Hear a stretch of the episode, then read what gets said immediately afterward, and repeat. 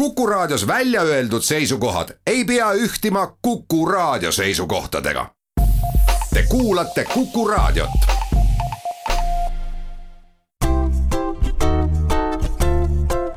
patsiendiminutid, Patsiendiminutid toob teieni Eesti Patsientide Liit. tere, head Kuku kuulajad patsiendiminutid taas eetris ja mina olen Kadri Tammepuu. Me räägime täna, kuidas paistab eakatele nende Covid-19 vastase vaktsineerimise tempo ja mida nad arvavad selle korraldusest. meil on liinil Pensionäride Ühenduste Liidu juhatuse esimees Andres Ergma, tervist! tere! Neli kuud on nüüd peatselt täis sellest ajast, mil Eestis on Covid-19 vastu vaktsineerimine käinud ja kui me vaatame statistilisi numbreid, siis üle seitsmekümne aastastest on esimese vaktsiinidoosi saanud napilt üle poole inimestest. kuidas teile tundub, kas tempo võiks olla veidi kiirem? no kindlasti tempo peaks olema kiirem, sellepärast et no arvestage ise juba, eks ole, vanad inimesed on juba peletatud eh, pooleteiseks aastaks eh, koju. nii et, et ma näen küll, et eh, mingit muud efektiivset võimalust, et võimaldada vanematele inimestele noh, niisugune normaalse võitu elu, oleks neid üha rohkem vaktsineerida. ma saan aru, et alguses oli juba sellepärast võimatu, et lihtsalt vaktsiini ei olnud aga nüüd äh, tundub niimoodi, et vaktsiini on, aga selgitustöö on jäänud kuidagi nõrgaks ja muidugi eks oma negatiivse panuse selle vanemaealiste skepsisesse on andnud ka meedia, kus äh, võib äh, lugeda seinast seina ja lapsed ja lapselapsed räägivad ju ka, mida nemad näevad ja, ja loevad sotsiaalvõrgustikest, nii et, et kõik need vastuolulised eh, informatsioonid ajavad vanemad inimesed ka natuke segadusse. Kuidas seda selgitustööd siis võiks paremini korraldada, kes seda võiks teha ja kust eakamad võiksid selle kohta lugeda, nii et eh, sõnumid oleks selged? no me peame sellega arvestama, et siiski alla poole vanemaealistest omab juurdepääsu internetile nii et, et eh, noh, trükimeedia peaks ka adekvaatselt ikkagi seda olukorda kajastama. ja üks on ka selge, et eh, palju oleneb ka nende järeltulevate sugupõlvede suhtumisest. ma ise isiklikult tean, kus ka tütar ütleb emale, et ah, pole siin vaja midagi, kahtlane värk üldse ja ja mina ei vaktsineeri ja ära sina kah mine ja ongi kogu lugu.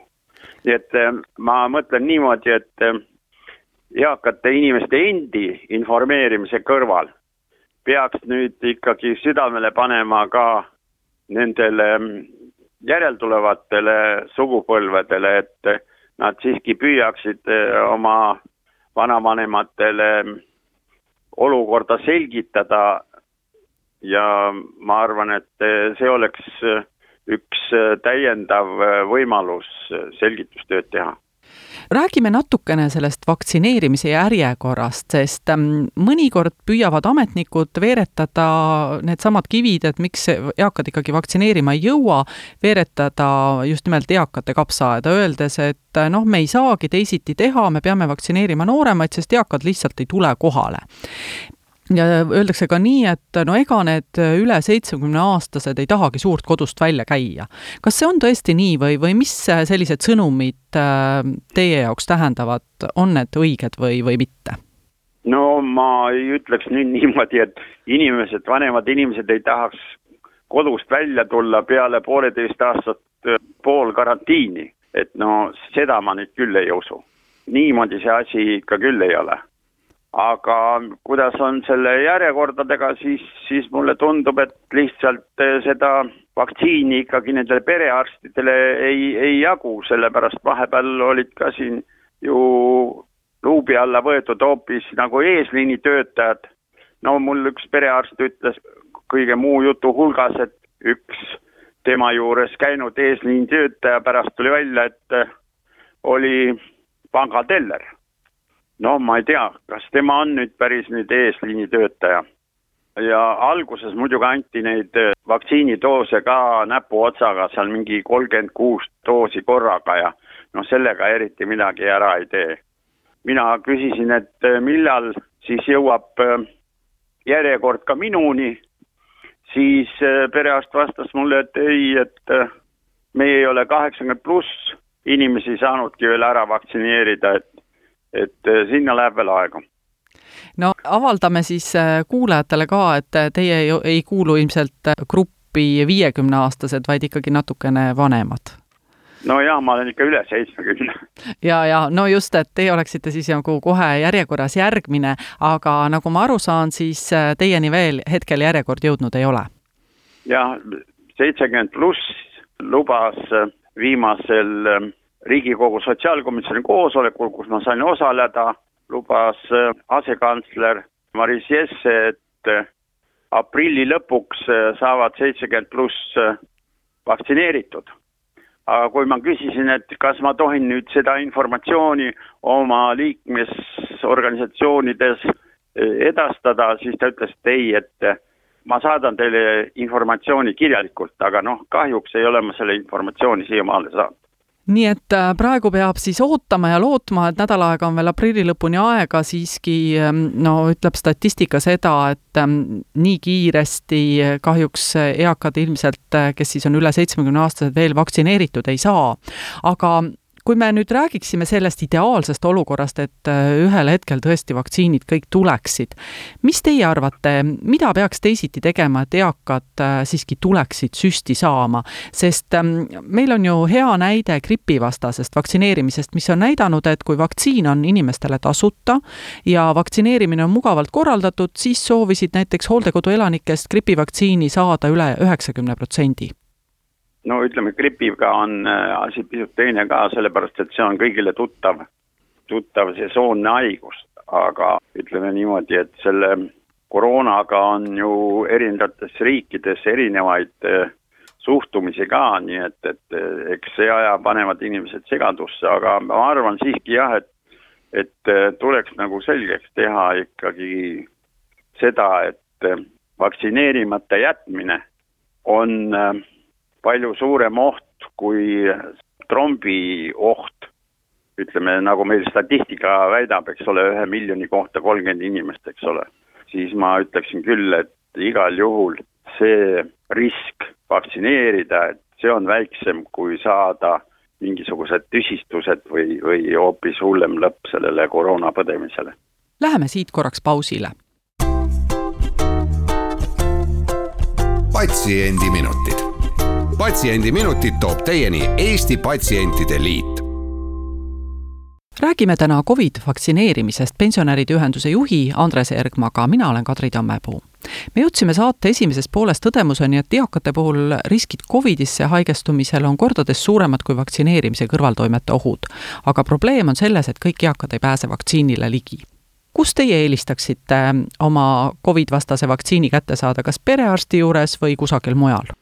Vaadake, minuga on niimoodi, et kui perearst ütles mulle, et niipea vaktsineerimine minuni ei jõua, siis ma kasutasin ära seda kampaaniat ja käisingi siis selle kampaania raames Tallinnas vaktsineerimas. aga päris paljud eakad ikkagi sinna ei jõudnud, mis te arvate, miks? info edastamine oli, oli ka puudulik, sellepärast et vanainimestele see info jõuab teatud hilinemisega ikkagi et oleks pidanud rohkem aega olema ja, ja nägema rohkem vaeva ka ja ilmselt võtab ka natuke võib-olla rohkem aega see, et see otsus teha, et äh, lihtsalt öelda, et kuule, tule kohe nüüd hakka homme tulema vaktsineerima, et äh, võib-olla see on natuke liiga kiire tempo eakamale inimesele. jah, ma arvan küll, et eakale inimesele on raha vaja eh, otsuse tegemiseks jah, rohkem aega, et niimoodi üleöö ta midagi ei otsusta kui rääkida natuke sellest Covidist, siis äh, just seesama põhiline argument, miks on äh, vajalik, et eakamad vaktsineerivad, on kasu ja kahju suhe, nagu teiegi välja tõite, et äh, kõrvaltoimete kahjud on ikkagi oluliselt väiksemad kui see, kui see haigus peaks kallale tulema ja, ja kui me rääkisime teiega enne intervjuud, siis tuli ka välja, et ka teie hiljuti põdesite Covid-19, et milline see teie haigus välja nägi? see oli tõesti äärmiselt ebameeldiv kogemus, kui ma ütleksin nii pehmelt öeldes. sellepärast, et äh, pidev köha, nohu, temperatuur, üldine äh, nõrkus, öösel ei saanud magada, sellepärast pidin kogu aeg köhima. nii et, et äh, ma soovitan kõigile, et, et ärge pange oma organismi ilmaasjata proovile, et kas läheb õnneks või ei lähe õnneks.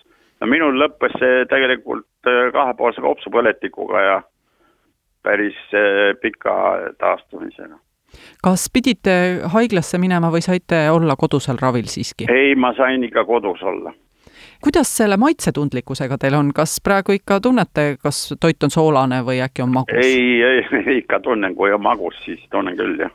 Nii et äh, teil oli kopsupõletiku teema, aga tihti räägitakse ka, et see väsimus ja jõuetus kestab päris pikka aega veel ja, ja teadlased mõned vaidlevad, et kas see on siis sellepärast, et südamelihas on saanud kahju või hoopis kopsukude või mõlemad. kuidas teil on, kas jõudlus hakkab juba tasapisi tagasi tulema, jõuate teha sama palju kui varem? jaa, no mul on äh, ikka natuke aega juba mööda ka läinud, et äh, minul oli muidugi kopsukahjustus otseselt. Ja siis peale selle sain ma veel mingisuguse koroona tekitatud silmapõletiku. Ja, ja pean ka veel seda ravima.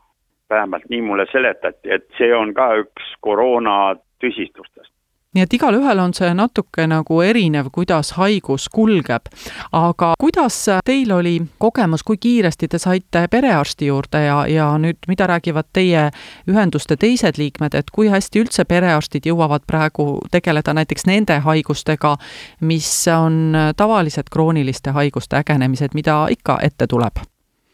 vaat ma ei ole nüüd kuulnud kedagi, kes oleks äh, kaevanud või soovinud edastada niisugust informatsiooni kohtadelt, et perearsti juurde noh, ei saa kas ühel, teisel või kolmandal viisil. mina isiklikult ju suhtlesin perearstiga ka läbi telefoni ja meili ja siis äh, silmade kohta ma saatsin selfie, nii et, et noh, ma ausalt öeldes ei, ei olegi oma perearsti näinud aga mida te arvate nendest eh, telefoni- või videokonsultatsioonidest, tundub, et eh, teie jaoks on see lihtne, aga mis te arvate, kas kõigi eakate jaoks eh, sobib selline ravimise viis? no kindlasti paljudel ei olegi üldse kas internetiühendust ei ole või, või saavad nad läbi telefoni rääkida.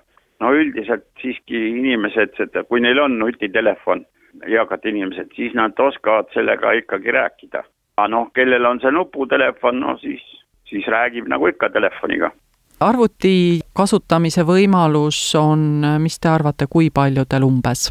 no ma arvan kuskil kolmkümmend viis protsenti, nelikümmend, kõik oleneb ju asukohast. hajaasustusega piirkondades on kindlasti oluliselt, oluliselt kehvem olukord kui, kui Tallinnas ma tean, et väga paljud eakad äh, kasutasid vanasti ka seda võimalust, et käisid näiteks raamatukogus äh, oma interneti teel äh, vajalikke asju ajamas, et nüüd on see asi ära langenud. praegu ikkagi noh, inimesed kardavad teiste kokku saada ka milleni see viib, kui üks eakas inimene ikkagi noh, aasta või poolteist ei saa käia ringi, elada nii nagu vanasti? no ma ütleksin niimoodi, et arvestades inimese vanust ja elukogemusi, siis äh, vanemad inimesed äh, elavad seda poolkarantiini paremini üle. aga loomulikult, nagu ma tean, eks ole, inimesed ikkagi tahavad kokku saada, nagu pensionäride organisatsioonidel on kõikvõimalikud üritused, tantsutrunnid, võimlemistunnid, luuleringid, loomulikult tahavad inimesed kokku saada ja selleks on vaja lihtsalt seda, et perearst kutsuks vaktsineerima? no põhimõtteliselt, kui vaadata niimoodi vabariigi mastaabis, siis tõepoolest selle võti peaks seal olema. kui me tuleme veel vaktsiini juurde tagasi, siis ähm, ka teadlased räägivad seda, et Covid-19 tüved muteeruvad, mis on ka selge, viiruse tüved ikka muteeruvad ja väga tõenäoliselt tuleb edaspidi hakata viima läbi ka kordusvaktsineerimisi. mida te pakute, mida vaja oleks, et eakad tuleksid vaktsineerima ja pääseksid vaktsineerima? ma arvan, et äh, perearstid taolisel juhul ei jõua seda läbi viia. Seda tuleb eh, nii tihti hakata tegema, siis ma arvan, et perearstil puudub see võimekus, olgugi et neil võib olla kaks õde ja aga ikkagi tähendab kõik need muud haigused, eh, mis eh, vaevavad vanemaealisi inimesi, ega need ka kuhugi ei kao. Nad on praegu lihtsalt lükatud tahaplaanile nii et, et äh, ma arvan, et siin peaks äh, ütleme, erameditsiiniasutusi ka kaasama selleks.